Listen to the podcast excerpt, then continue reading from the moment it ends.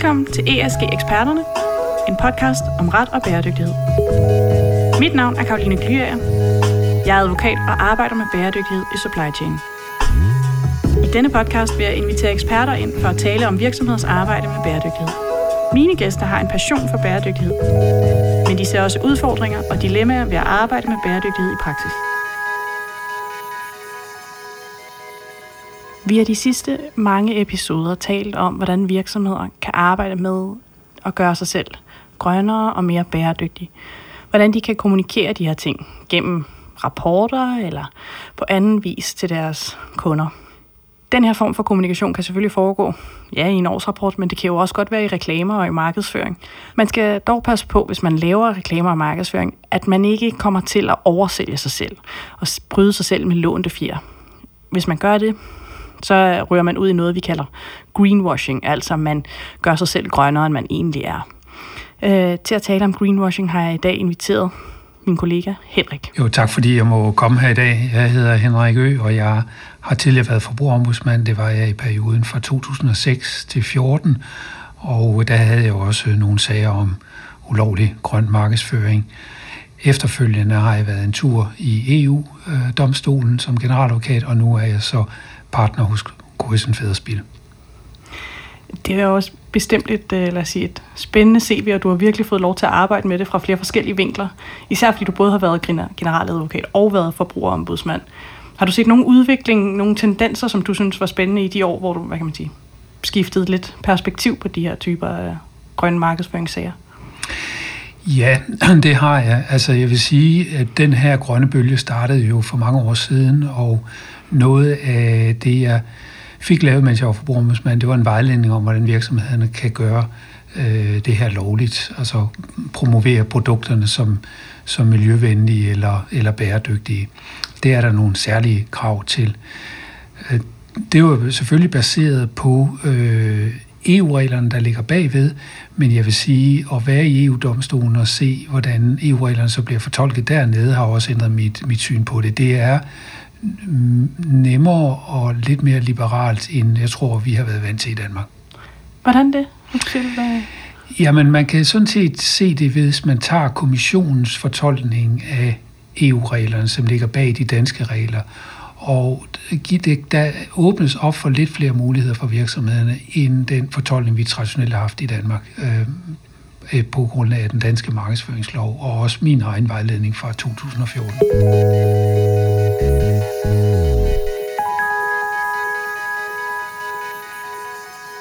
Øhm, hvis vi lige tager et skridt tilbage. Når vi taler om markedsføring og taler om greenwashing, vil du så ikke kort fortælle, hvad er det egentlig for nogle regler, der ligger bagved? Hvis der nu er nogen derude, som ikke er lige så lad os sige, velbevandret i markedsføringsreglerne, som du jo er. Øh, hvad er det egentlig for nogle regler, vi læner os op af, når vi taler om greenwashing? Jamen det er grundlæggende forbud mod at vildlede i markedsføringsloven. Og øh, det er et krav til, at de øh, budskaber, man kommer ud med, skal være sandfærdige. Øh, Øh, de må ikke vildlede forbrugeren til at købe et produkt i den tro, at det er grønnere, end det i virkeligheden er. Det er det ene, og det andet er, at der er også et krav til, at man skal dokumentere de påstande, man kommer med. Så øh, man, man har altså en pligt til på forhånd at undersøgt, hvad er det her for et produkt, øh, hvilken påvirkning har det på vores miljø og vores klode og, og så videre. Øh, det skal man have, have styr på. Og så ligger der jo også noget sammenlignende reklame i det her, fordi en, virksomhed, som siger, I skal købe mine produkter, fordi at det er det grønne valg, sammenligner sig jo i virkeligheden med andre konkurrenters produkter. Og der er også nogle regler, der skal øh, iagtages der, sådan at øh, der ikke kommer en, øh, en øh, ulovlig konkurrence. Og det er selvfølgelig langt hen ad vejen for, at man som forbruger kan forstå de reklamer og den markedsføring, man nu får skudt efter sig, øh, sådan at du ikke står og, lad os sige, kigger på noget drikkevand, og det bliver markedsført, øh, som om at den plastikflaske er meget mindre forurenende end den andens plastikflaske, så vi ved, hvad det er rent faktisk, vi køber. Øh, og det er jo selvfølgelig rigtig fint. Øh, jeg kunne fra et virksomhedsperspektiv godt blive nervøs for, om altså, hvor svært det er at leve op til nogle af de her regler. Øh, kan man ikke nemt komme til at skulle dokumentere næsten det umulige, hvis jeg skal kunne dokumentere, at alt det her er fuldstændig til bunds sandt. Eller altså, at, ja, det, det jeg leder efter, er, er det i virkeligheden realistiske regler, vi har fået bakket os op i her?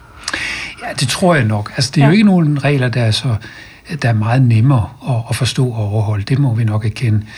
Øh, der var to aspekter i det her. For det første hensyn til forbrugerne. Vi, vi er jo i en grøn omstilling i øjeblikket. Vi, vi, vi skal nå øh, Paris målsætningen om reduktion af, af drivhusgasser, og vi skal også passe på vores miljø. Det tror jeg er gået op for, for alle lyttere efterhånden.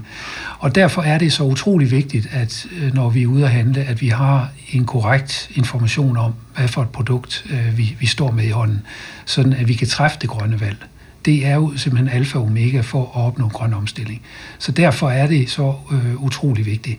Når vi så tager øh, virksomhederne, ja, så har det været en øjeåbner at komme over på rådgivningsside i et advokatfirma og hjælpe virksomheder med at nå det her.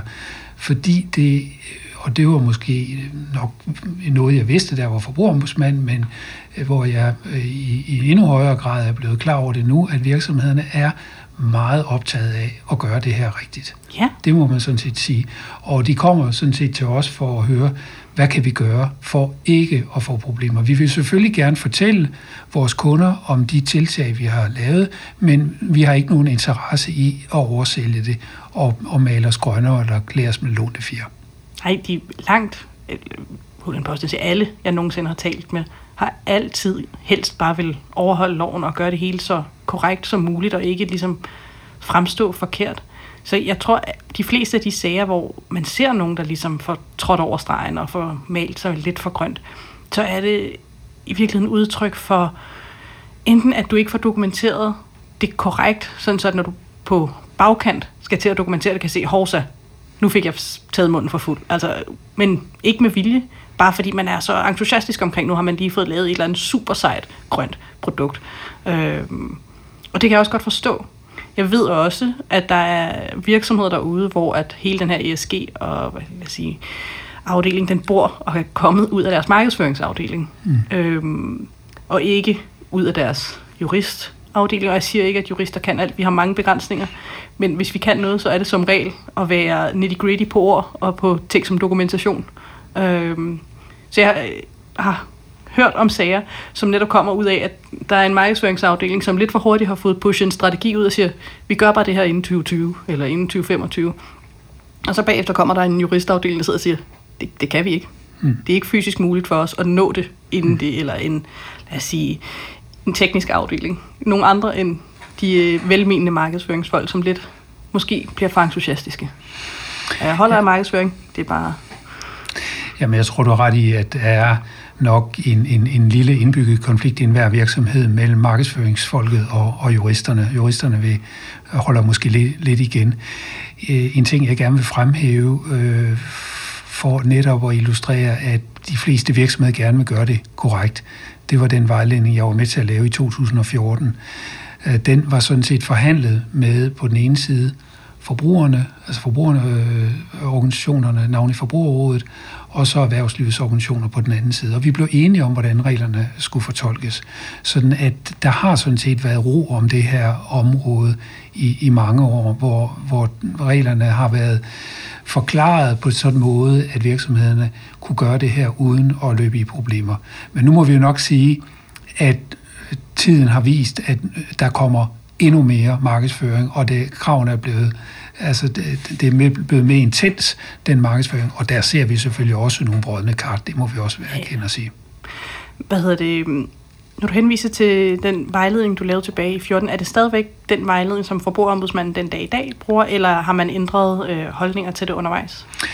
Altså, det, i grund, bund og grund er det den samme ja. vejledning, men der er lavet en quick guide for et par år siden af den nu tidligere forbrugerombudsmand, Christina Toft Nielsen, som øh, på visse punkter har skærpet kravene til, til markedsføring. Det er navnligt på området for bæredygtighed, hvor man jo meget vanskeligt kan bruge, ifølge den quick guide, ordet bæredygtighed, medmindre man kan bevise, at den kommende generation har lige så gode levevilkår som den nuværende. Og der kommer vi ind på noget af det, du ansøgte i et af dine tidligere spørgsmål. Kan man forpligtes til det umulige?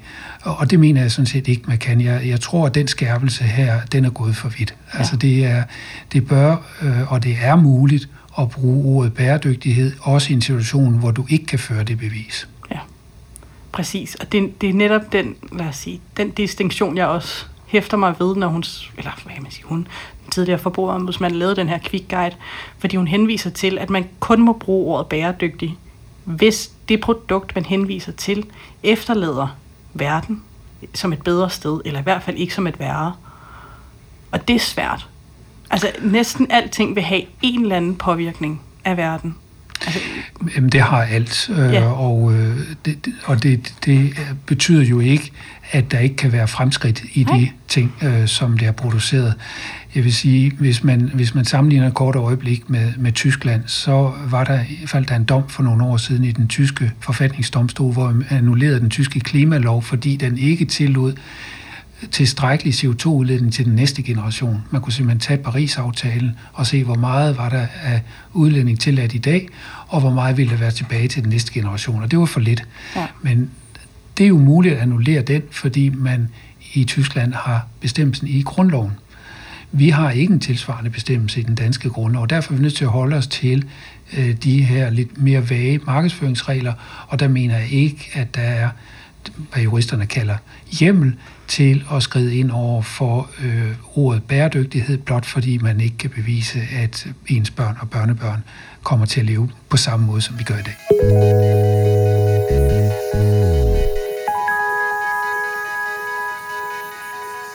Synes du, at hvis man så kigger på det fra et forbrugerperspektiv, fordi hvis vi, nu sidder vi to meget med juristbriller på og diskuterer det, øh, hvis man nu som forbruger skulle købe et produkt, og siger, jeg vil gerne have et bæredygtigt produkt, vil du så i, på den ene side sige, at ordet bæredygtigt er, lad os sige, så tæt op af, at det skal næsten være bedre end før?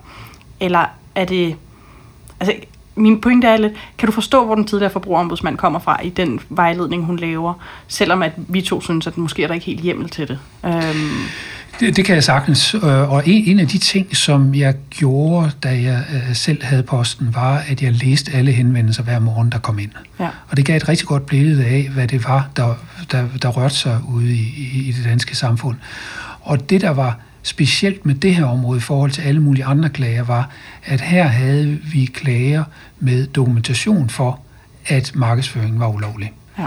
Eller i hvert fald noget, der underbyggede, at der var en, en alvorlig tvivl. Og det, det var typisk nogle, nogle større organisationer øh, med øh, ingeniører ansat, som kunne levere øh, et, et meget øh, solidt bevismateriale. Og det gjorde jo, at man begyndte at tage det her øh, mere alvorligt og kunne se, at her var der nok noget, der skulle strammes op over for. Fordi selvfølgelig kan vi ikke tillade, at alle går ud og siger, at, at det er grønt. Så har vi ikke det valg som forbrugere, som, som vi skal have, hvor vi kan skelne imellem øh, øh, produkterne. Og det gjorde, at i den vejledning fra 14, som jeg har talt om, der blev vi enige om, at hvis man ville markedsføre noget som grønt, og øh, bare sagde, at ens produkter var grønne, så var der ekstremt skarpe krav til det. Nærmest, øh, nu skal jeg selvfølgelig passe på, at ikke selv øh, modsiger mig selv, men, men, men ikke umuligt overhold, men, men meget, meget vanskeligt overhold. Og derfor var det anbefalingen, at man markedsførte sig med en forklaring sådan at man sagde, at det er grønt, fordi vi har gjort sådan og sådan. Men selv det var ikke tilstrækkeligt. Man skulle også kunne godt gøre, at man var i den bedste tredjedel at de andres produkter, som man så også var nødt til at undersøge, var simpelthen øh, ringere for miljøet. Og det er jo noget, der udvikler sig, så det vi i dag kan sige er bæredygtigt eller klimavenligt, det kan vi måske ikke sige om to år, fordi udviklingen er gået, at vi reducerer hele tiden heldigvis CO2-udslippet, og derfor er vi også nødt til at løbende og skærpe kravene. Så det er sådan en, en, en, en løbende proces, og på den måde er det jo forståeligt, at, at øh, den nu tidligere forbrugerombudsmand lavede Quick-guiden. Øh, det synes jeg var sådan set en, en god idé. Øh, der er bare nogle ting, hvor, hvor jeg er lidt i tvivl om, om, øh, om det ikke er skærpet for kraftigt. Ja. Du kommer også lidt ind på en af, hvad kan man sige, en af del vejledningerne i det, som handler om, hvor generelt eller hvor specifikt udtalelserne er. Hvilket selvfølgelig hænger sammen med, hvordan du kan dokumentere det. Og jo mere specifikt du udtaler dig, jo nemmere kan du også dokumentere en sådan udtalelse. Og hvis du igen bare siger, at det er en bæredygtig flaske, eller at det er en grøn produktion, vi har lavet af de her plastikflasker, at så er det enormt svært at dokumentere, fordi hvad betyder ordet bæredygtig eller ordet grøn i virkeligheden. Ja. Øhm, så jeg kan sagtens følge dig i at sige, det handler i virkeligheden også om at få forklaringer på, at få det gjort så specifikt som muligt. Og det hjælper igen også, hvad kan man sige, forbrugerne. Ja, jeg kan sige, at jeg havde for, for, sådan for at illustrere det en, en, en meget sjov sag fra, fra USA med Coca-Cola, som markedsførte deres på daværende tidspunkt øh, flaske som plant bottle, altså med, med belavet plantemateriale. Øh, det, der var ganske lidt i det. Der var lidt øh, plantemateriale i det, det, det må vi erkende, men det var mest plastik. Ja. Og, og det er så et eksempel på, at man lige overdriver det lidt, og det skrev jeg ind over for, og jeg fik også et par interviews med amerikanske medier på det andet tidspunkt. Så, så, så vi, vi ser jo en, en løbende udvikling. Altså, der har været... Øh, der, jeg, min indtryk er, at virksomheden er lidt mere afdæmpet, mere forsigtig i dag, og det jeg øh, selvfølgelig kan blive bekymret for, når jeg taler med, med klienter, det er, om vi går fra greenwashing til greenwashing. Ja. Fordi det vil ikke være godt for den grønne omstilling, at ingen tør fortælle noget af frygt for, at det kan føre til øh, bøder og indskærpelser. Nej, det nytter jo heller ikke noget. Der, der er jo ingen grund til at komme ud i en situation, hvor man tænker, jeg vil må hellere lade være, fordi tænk ja. hvis, at jeg bliver indberettet til at få brugerombudsmanden ja. på det her. Det vil jo være fuldstændig modsat rettet hensyn.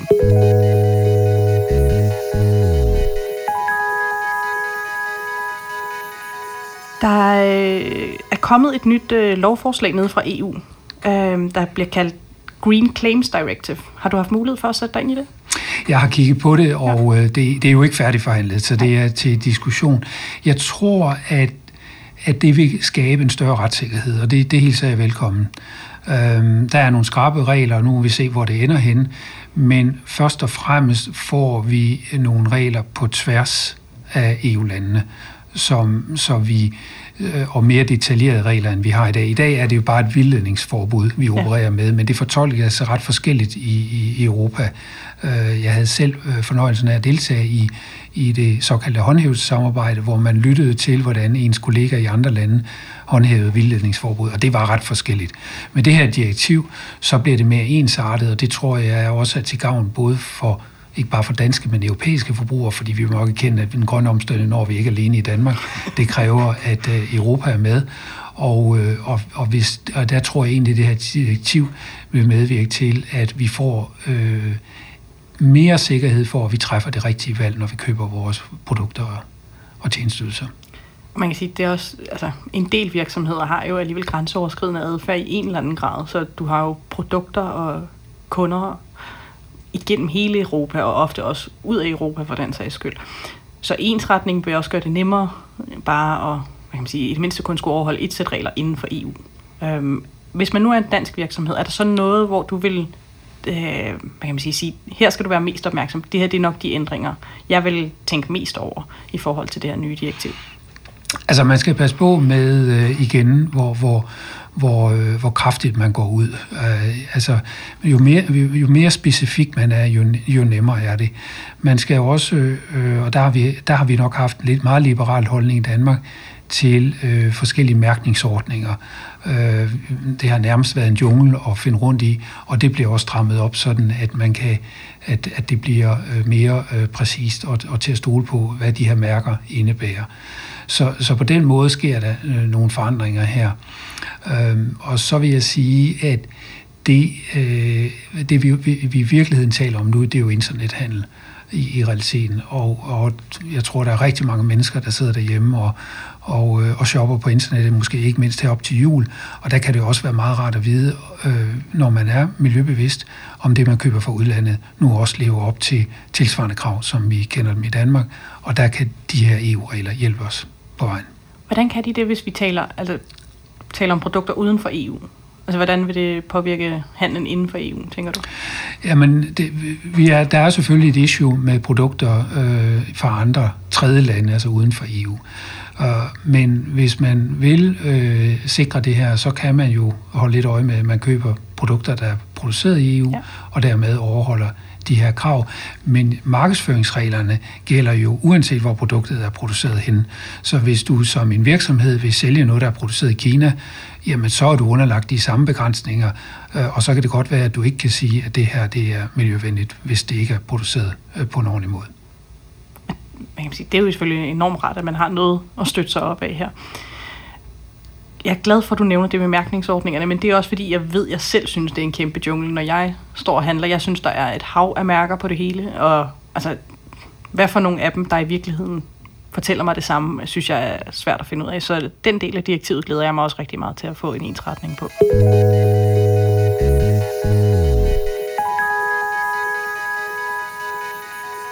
Der er selvfølgelig en masse, lad os sige, forskellige vejledninger og guidelines fra offentlige myndigheder. Der er også øh, EBA, som har offentliggjort en rapport om greenwashing. Øh, jeg har taget den med, eller har delt den med derinde. Den er i virkeligheden lavet til banksektoren, men har analyseret øh, greenwashing på tværs af en række sektorer. Rapporten viser blandt andet, at der på tværs, på tværs af sektorer i EU er en stigende tendens til at klage over greenwashing. Er, er det en tendens, du som advokat kan genkende? Oplever du flere og flere greenwashing-sager, eller hvordan ser du det? Ja, altså det, det gør jeg som avislæser og som advokat, øh, men jeg har jo selvfølgelig ikke det overblik, jeg havde tidligere, hvor jeg sad og læste alle de henvendelser, der kom ind, der var forbrugerombudsmand. Men jeg tror ikke, at det er gået nogens næse forbi, at der bliver klaget ganske meget i dag. Og det, jeg prøvede at sige før, det er, at de klager kommer ind fra nogle meget kraftige, stærke, ressourcestærke NGO'er, øh, som ikke bare har øh, lavet noget dokumentation i forvejen, men typisk også går ud med en presmeddelelse, så vi alle bliver opmærksom på, at nu er der altså klaget over øh, den ene eller den anden virksomhed. Det kunne være en bilproducent, hvor, øh, hvor, øh, som har brugt øh, øh emblemet til at symbolere en, en vindmølle, for at sige, at, at, at tingene kører for, for øh, altså produktionen er øh, elektrisk, og dermed reducerer CO2-udslippet, og hvor man så øh, i klagen påstår, at det øh, ikke helt holder vand. Så, så den slags ting ser man jo, øh, fordi det er udsendt pressemeddelelser, der tales om det i avisen. Men, så det er mit indtryk, at, der, at, der er, øh, at det her er blevet skærpet, og det hænger selvfølgelig sammen med, at vi er øh, på alle områder i gang med en omstilling. Øh, og øh, noget af der, hvor det virkelig øh, flytter noget, det er jo på vores forbrug. Præcis. Jeg er også glad for, at du lige præcis nævnte det her med, at det er jo fra NGO'er, alle de her klager kommer, fordi en af de andre konklusioner i rapporten er lige præcis, at klagerne som oftest ikke kommer fra privatpersoner, fra forbrugerne, men netop fra større organisationer og NGO'er. Øh, det kan have, lad os sige, to effekter. Det kan på den ene side være, at det er mere dokumenteret, det der rent faktisk kommer. Det er, der er mere kapacitet til at lave en ordentlig klage. Jeg kunne også godt frygte, at altså, hvis jeg nu skulle sætte mig over på den anden side, kan man risikere at male fanden lidt på væggen, eller komme til at overfortolke nogle af de her ting. Øh, jeg så også godt den store reklame, der hang nede på Rådhuspladsen af et billogo, der var lavet om til en vindmølle. Øh, jeg ved ikke, hvor meget jeg personligt tænkte, at den specifikke bilproducent nu bare var øh, 100% grøn, øh, da jeg så den reklame. Så jeg ved ikke, hvor meget jeg selv ville synes, at det var en vildledende reklame personligt. Men jeg kan godt forstå der, hvor NGO'erne kommer fra. Kan du følge mig i, at der kan godt være, der er en... Altså, måske er der også lidt en agenda om at skubbe lidt for mange sager igennem. Altså, at der kan være sager, som er lidt for grundløse, men som bliver skubbet igennem, fordi der er kapacitet hos NGO'erne til at tage dem. Ja, det, det må jeg kende, det ser jeg også, og jeg har også øh, givet en rådgivning til nogle virksomheder, hvor jeg siger, at det her, her er der simpelthen ikke noget at komme efter, det er fuldt lovligt, det jeg har gjort. Øhm, nu sagde jeg, at, at det er EU-reglerne, der, der ligesom er baggrunden for vores markedsføringslov, og en meget kraftig del af EU-reglerne er ytringsfrihed. Ytringsfriheden gælder også for virksomheder. De må sådan set som udgangspunkt sige, hvad de vil om deres produkter, med mindre det klart er forbudt i lovgivningen. Og det er jo nogle gange ikke det helt det udgangspunkt, man får fornemmelsen af, når man ser de her klager, at det nærmest på forhånd er forbudt. Ja. Øh, så, så, så jeg tror, det er vigtigt, både i, som rådgiver, men også som håndhævelsesmyndighed, man er i stand til at bevare balancen og nuancerne i det her. Fordi det, det er et retsområde, hvor man ikke kan beskrive helt præcis, hvad der, hvad der, hvad der er sort. Altså det er ikke, det er ikke sort-hvidt, men det er sådan en, en, en, en balance, hvor man må fare lidt frem med lempe, tror jeg. Ja, og det gør det selvfølgelig også altså, både enormt interessant, men også enormt svært i virkeligheden at navigere i. Fordi selvom at der er retningslinjer af, af flere omgange fra forbrugerombudsmanden, så der jo af gode grunde ikke en fuldstændig klar retningslinje, der hedder, ja, du må gerne hænge store plakater op på rådhuspladsen, hvor du laver en vindmølle, eller du må ikke hænge store plakater op på rådhuspladsen, hvor du laver en vindmølle. Øh, så sort-hvidt kan man simpelthen ikke gøre det, fordi at vi jo i markedsføringen er nødt til at tilpasse det til den enkelte virksomhed, det enkelte produkt. Men det gør det bare også svært at navigere i som virksomhed. Altså. Ja, men jeg synes alligevel, at hvis vi nu... Øh hvis, hvis, hvis vi er nærmest afslutningen, så synes jeg, at vi skal tage den positive øh, hat på, fordi jeg synes faktisk, at det går ganske godt. Altså, det er jo ikke uden problemer det her, men i betragtning af, hvor stor en omstilling vi taler om, så er det øh, sådan set, øh, synes jeg, med den viden, jeg har, med de klienter, jeg har, en, en, en meget seriøs tilgang til det, og at man gerne vil gøre det her korrekt. Det tror jeg også, jeg sagde indledningsvis. Øhm, og det er jo øh, langt bedre i virkeligheden i en situation, vi er kommet i nu, hvor virksomhederne klart spiller med, med nogle enkelte, det vil der altid være nogle brødne kar, men, men i langt højere grad end tilbage i 14, hvor jeg gik af som forbrugerombudsmand. Det, det synes jeg er mit indtryk nu, at, øh, at alle kan se, at det her er en nødvendig samfundsopgave, som skal løses. Det, det synes jeg faktisk var en øh, rigtig fin opsummering og afslutning. Tak fordi du ville være med i dag, Henrik. Det har været enormt spændende at få lov til at tale om uh, greenwashing sammen med dig. Velbekomme.